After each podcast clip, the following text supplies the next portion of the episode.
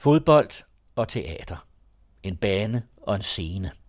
To steder, to aktiviteter, som forfatteren i sin kreative ensomhed holder af, fordi de åbner vejen for ham til de andre og til kroppens sunde glæder, fortæller Jesper Tang i det 8. kapitel af serien om Alberts lærer, som vi bringer i denne uge. Kender man efterhånden Albert Camus bare en lille smule, kan man hurtigt gætte, hvor en journalist skulle finde ham om aftenen den 18. oktober 1957 for at få svar på spørgsmålet om, hvorfor Nobelpriskomiteen tidligere på dagen havde besluttet at tildele en kun 44-årig forfatter årets litterære pris. Laissons Alberto à ses brillantes interventions et posons à Albert Camus la question qui se pose dans toutes les pensées. Euh, Quelles sont, selon vous, les raisons qui ont déterminé le choix du jury je ne sais pas, parce que je ne suis pas dans le secret de l'Académie suédoise, mais... Det ved jeg sandelig ikke. Jeg er ikke indvidet i det svenske akademis hemmeligheder. Men oprigtigt talt er der efter min mening mindst to-tre andre forfattere, der har fortjent den før mig, sagde Camus, stående på tilskuerpladserne i Parc des Princes, Paris' førende fodboldstadion dengang, hvor Racing Club de Paris den aften spillede mod Monaco. Men måske er det for at vise, at Frankrig har et yngre ansigt end det, man plejer at vise frem. un visage parfois plus jeune qu'on ne le pense généralement. Le Racing mène par deux buts à un. Kunne det overhovedet lade sig gøre, sad Camus på en af de første rækker, hver gang Racing Club spillede i Paris.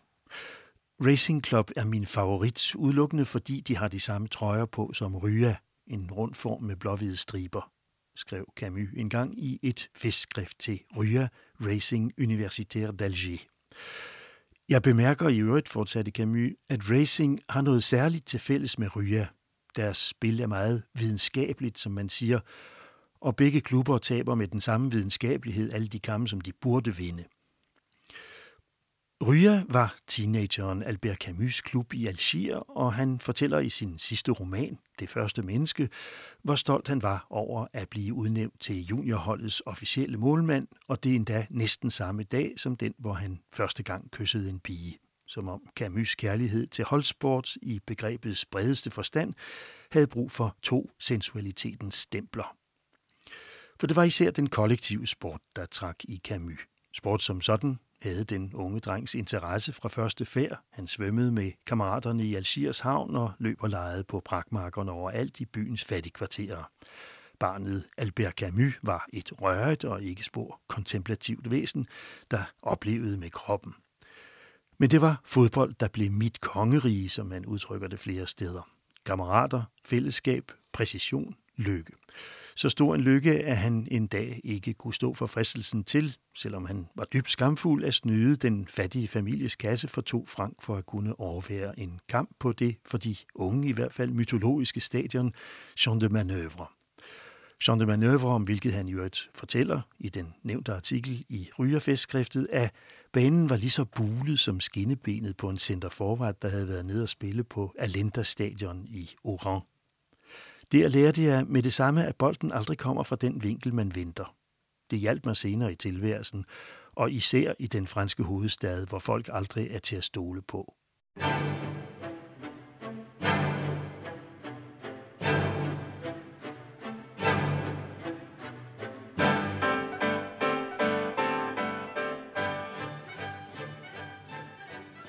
Ordet fodbold optræder overraskende få gange i Camus' essay og romaner, og bortset fra en fodboldteknisk diskussion i romanen Pesten, findes der ikke nogen beskrivelser af fodboldkampe eller fodboldspillere i forfatterskabet. Ja, af sportsbegivenheder i det hele taget, dog med en enkelt undtagelse i essaysamlingen Sommer, der rummer en intens beskrivelse af en boksekamp. Man er ikke mindre overrasket over i korrespondancen mellem to raffinerede skønånder som Albert Camus og digteren René Char, at læse om, hvordan de hver især holder sig underrettet om, hvilke kampe, der udkæmpes hvornår i den franske hovedstad, og diskutere, hvilke af dem de skal købe billetter til. Men i Oran, en by, der intet har at tilbyde ånden, skriver Camus, en by, han, der kom fra Algier, ikke brød sig om, i Oran kæmper de unge håb, debutanterne, for deres fornøjelses skyld, og det ligger dem inderligt på sinde at bevise det ved så hurtigt som muligt at slå hinanden til plukfisk med foragt for alt, hvad der hedder teknik. Baggrunden, står der i essayet, er, at man på disse kanter holder af at forklare sig mand til mand. Læser man passagen sammen med et sted i Det første menneske, hvor den unge Jacques, som er Camus' alter ego i romanen, hvor den unge Jacques bruger de bare næver nok så lidenskabeligt, kan man ikke undgå at få mistanke om, at Camus, som en af hans kritikere siger, som den gode algierske franskmand han var, holdt af slagsmål. Det virker paradoxalt, når man ved, at den pacifistiske Camus igen og igen i sit forfatterskab understregede det i hvert fald principielt uacceptable i enhver form for voldsanvendelse. Men paradokset er kun tilsyneladende, for Camus anser grundlæggende sport, kroppens sunde glæde, som han siger, for at være en måde at erkende sine grænser på, og dermed overhovedet begrænsningens kunst, det mådehold, den balance i tingene, som han mener skal styre al menneskelig adfærd. Det er middagstanken uden teknik, den beherskede brug af kroppen, og uden holddisciplin, den solidariske beherskelse af egoismen, ingen sejr. Og man kan gå endnu videre. Retfærdighed, skrev han i sine notesbøger i 1943, oplevelsen af retfærdighed gennem sport. Fodboldbanen og teaterscenen er de eneste steder, hvor jeg føler mig uskyldig, siger Clamence, den ellers skyldbetyngede jeg fortæller i romanen Faldet. Og omvendt, da Camus i 1958 blev spurgt af en amerikansk litteraturprofessor, hvad baggrunden var for den tuberkulosesygdom, der ramte Camus som 17-årig, lød svaret, for meget sport, overbelastning, for meget.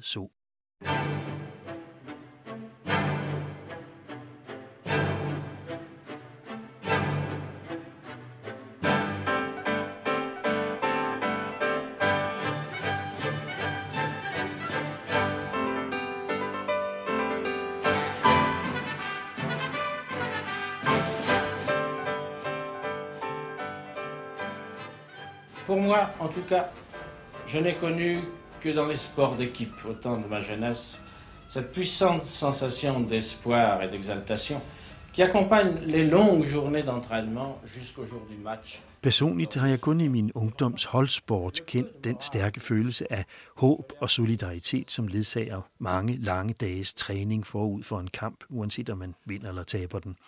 Virkelig, den smule moral, jeg vil har jeg lært på fodboldbanerne og teaterscenerne, som er og bliver mine sande universiteter. Et vraiment, le peu de morale que je sais, je l'ai appris sur les scènes de théâtre et dans les stades de football, qui resteront mes vraies universités. Teatret var altså den anden store kollektive sport i Albert Camus' liv. Fodboldinteressen dukkede spontant op i barndommen. Teatret var ungdommens store opdagelse. Barnet Albert var et udebarn. Lejligheden i Algiers fattigkvarter var lille, bedstemoren streng, moren tavs og ikke en bog. Og ude, det ville sige fra første færd sammen med andre børn og senere kammeraterne i skolen og i gymnasiet og især i fodboldklubben, indtil tuberkulosediagnosen i 1930 satte en bræt stopper for al aktiv sport. Men fem år og en filosofiuddannelse senere gennemspilledes et evigt kamysk tema på ny, men nu på scenen. Solidære, solidære, målmandens og instruktørens på en gang, isolation fra og solidaritet med resten af holdet. En bane, en scene, to steder, to aktiviteter, som også forfatteren i sin kreative ensomhed holder af, fordi de åbner vejen for ham til de andre. Camus' første teatererfaringer falder sammen med hans korte medlemskab mellem 1935 og 1937 af PCA, den algeriske forgrening af det franske kommunistparti. Den spontane kollektivitet blev bevidst og militant. Camus tilsluttede sig tanken om kunst og teater som ikke bare underholdning, men også et effektivt led i klassekampen. Helt i tidens europæiske folkefrontsånd, der i forsvaret for kulturen dannede skole inden for de forskellige kunstarter. Camus havde stiftet overfladisk bekendtskab med Arbejderteatret under sin rejse til Prag og Wien i 1935 og lod sig hjemme i Algier gøre sig til leder af partiets nyåbnede Algiers Kulturhus i 1937, efter i begyndelsen af 1936 at have startet Arbejdsteatret Théâtre du Travail, der skulle vise, stod der i åbningsbrosyren, at kunsten nu og da kan komme ud af sit elfenbenstårn, og at det er så meget vigtigere, som det smukke er uadskilleligt forbundet med det menneskelige. skønhed og man kan kalde det livskvalitet, en overbevisning Camus forsvarede livet igennem. Med beskedne teatererfaringer fra en kort periode som skuespiller i Radio Algers trup. Som eneste bagage optrådte han både som arbejdsteaterets iscenesætter, som skuespiller, regissør, lysmand og meget mere, i et ambitiøst forsøg på at udføre et dobbelt kunststykke, nemlig på en gang at sætte skub i byen Algers stort set ikke eksisterende kulturliv og spille folkeligt teater, hvilket for ham ville sige kvalitetsteater. Repertoiret bestod af en blanding af klassikere i nyopsætning, som den græske tragedieforfatter Aeschylus' Prometheus, bearbejdninger af politisk engageret litteratur som en novelle af André Malraux, og så helt ung, eksperimenterende teaterkunst som Oprøret i Asturien, der blev præsenteret som et kollektivt værk med fire forfattere, et værk, der tog udgangspunkt i den kyniske frankistiske nedkæmpning af minearbejderoprøret i Asturiens hovedstad Oviedo i 1934. Ubehersket vold, frihed og retfærdighed trådt under fod, halsløs individuel revolte mod en absurd verden. Mange af de kamyske hovedtemaer var allerede til stede, men det fik Algiers teatergænger aldrig lejlighed til at erfare, for forestillingen blev under hykleriske påskud forbudt af Algiers borgmester og kunne i mange årtier udelukkende læses i de 500 eksemplarer, som en ung Algier-forlægger trykte den i året efter.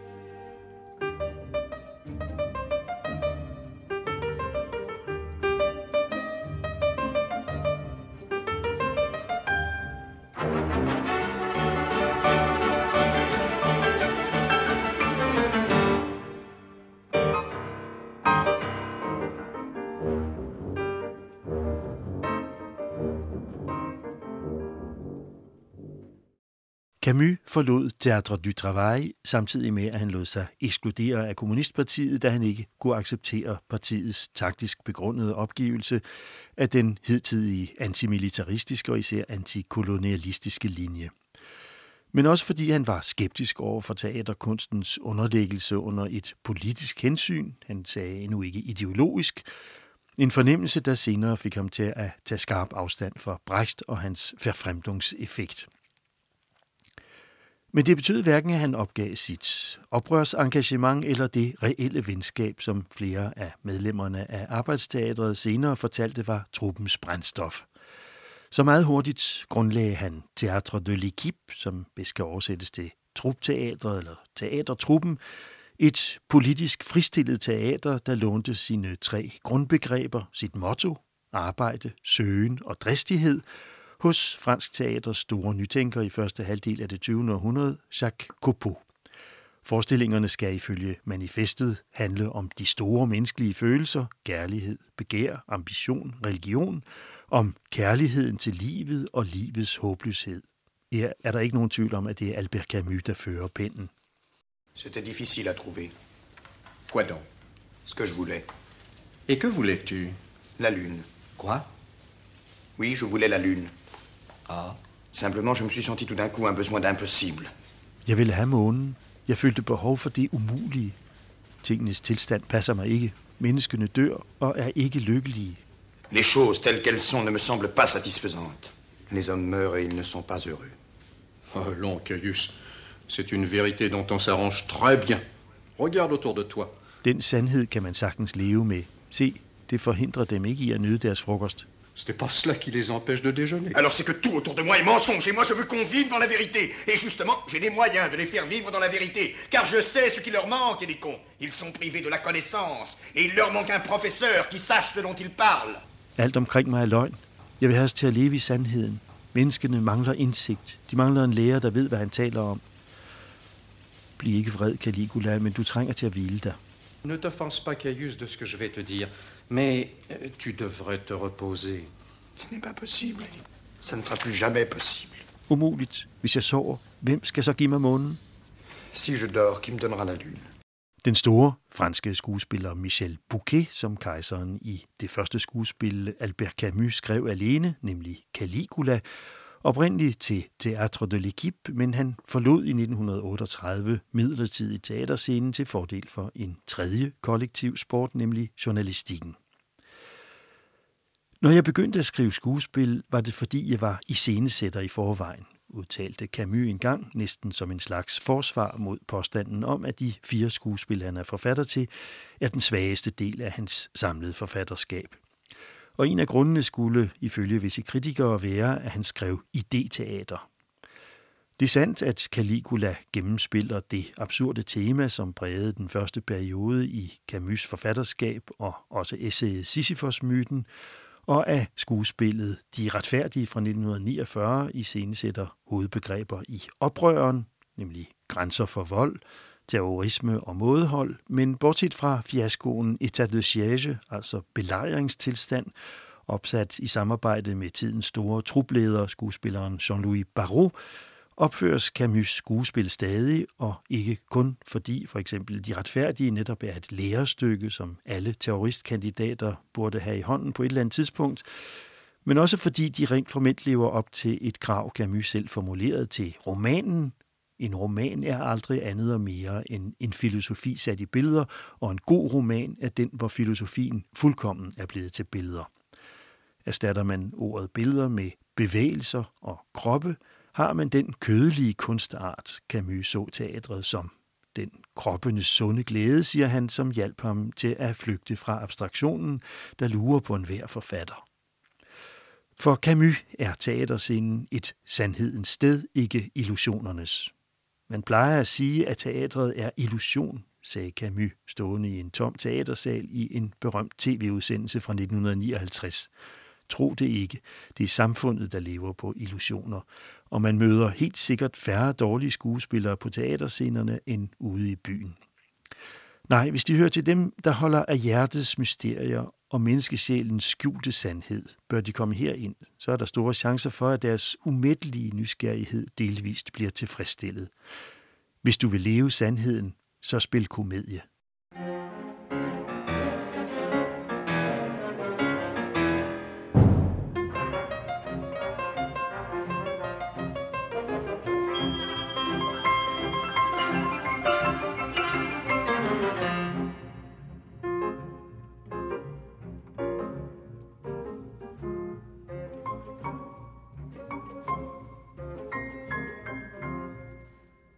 Gruppen, den kollektive indsats, ordet, der bliver til krop og bevægelse, men der er også et sidste element, der gør Camus til teatrets mand, nemlig dets øjeblikkelighed.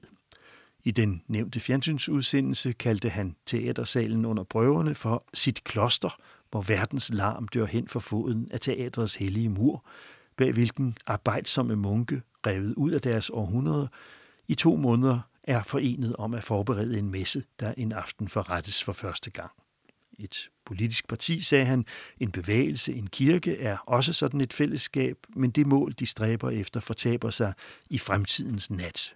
På teatret derimod. Au théâtre, le fruit du travail, qu'il soit amer ou doux, euh, sera recueilli un soir, connu longtemps à l'avance et dont chaque jour et chaque nuit de travail rapproche. På teatret bliver arbejdets frugt, bitter eller sød, høstet en aften, der er kendt længe i forvejen og som kommer nærmere og nærmere for hver arbejdsdag.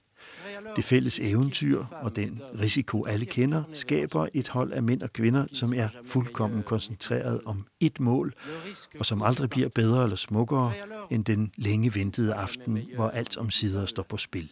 Le risque couru par tous crée alors une équipe de femmes et d'hommes tout entière tournée vers un seul but, et qui ne sera jamais meilleure ni plus belle que le soir longtemps attendu où la partie enfin se joue.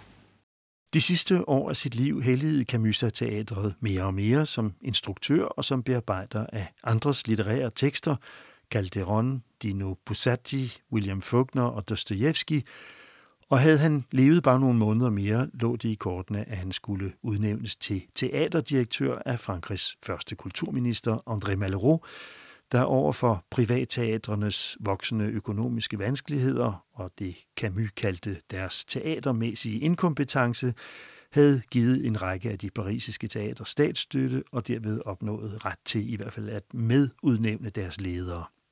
Selveste Comédie Française var på tale sammen med en anden teatermæssig højborg, Théâtre de l'Athénée, en drøm for den, der som ung mand i 1936 ikke kunne finde noget andet billede for lykkefølelsen ved at have ægtet verden i Tipasa, end skuespilleren, der har spillet sin rolle rigtigt. Mit hjerte var fyldt af en forunderlig glæde, den der fødes af en ubekymret samvittighed. Der findes en følelse, som skuespillerne oplever, når de ved, at de har spillet deres rolle rigtigt. Det vil sige, at de har fået deres bevægelser til at falde så præcis som muligt sammen med den idealpersons, de lægemliggør. At de i en vis forstand er trådt ind i en på forhånd eksisterende skikkelse, som de gjorde levende med deres eget pulsslag. Det var nøjagtigt det, jeg følte. Jeg havde spillet min rolle godt.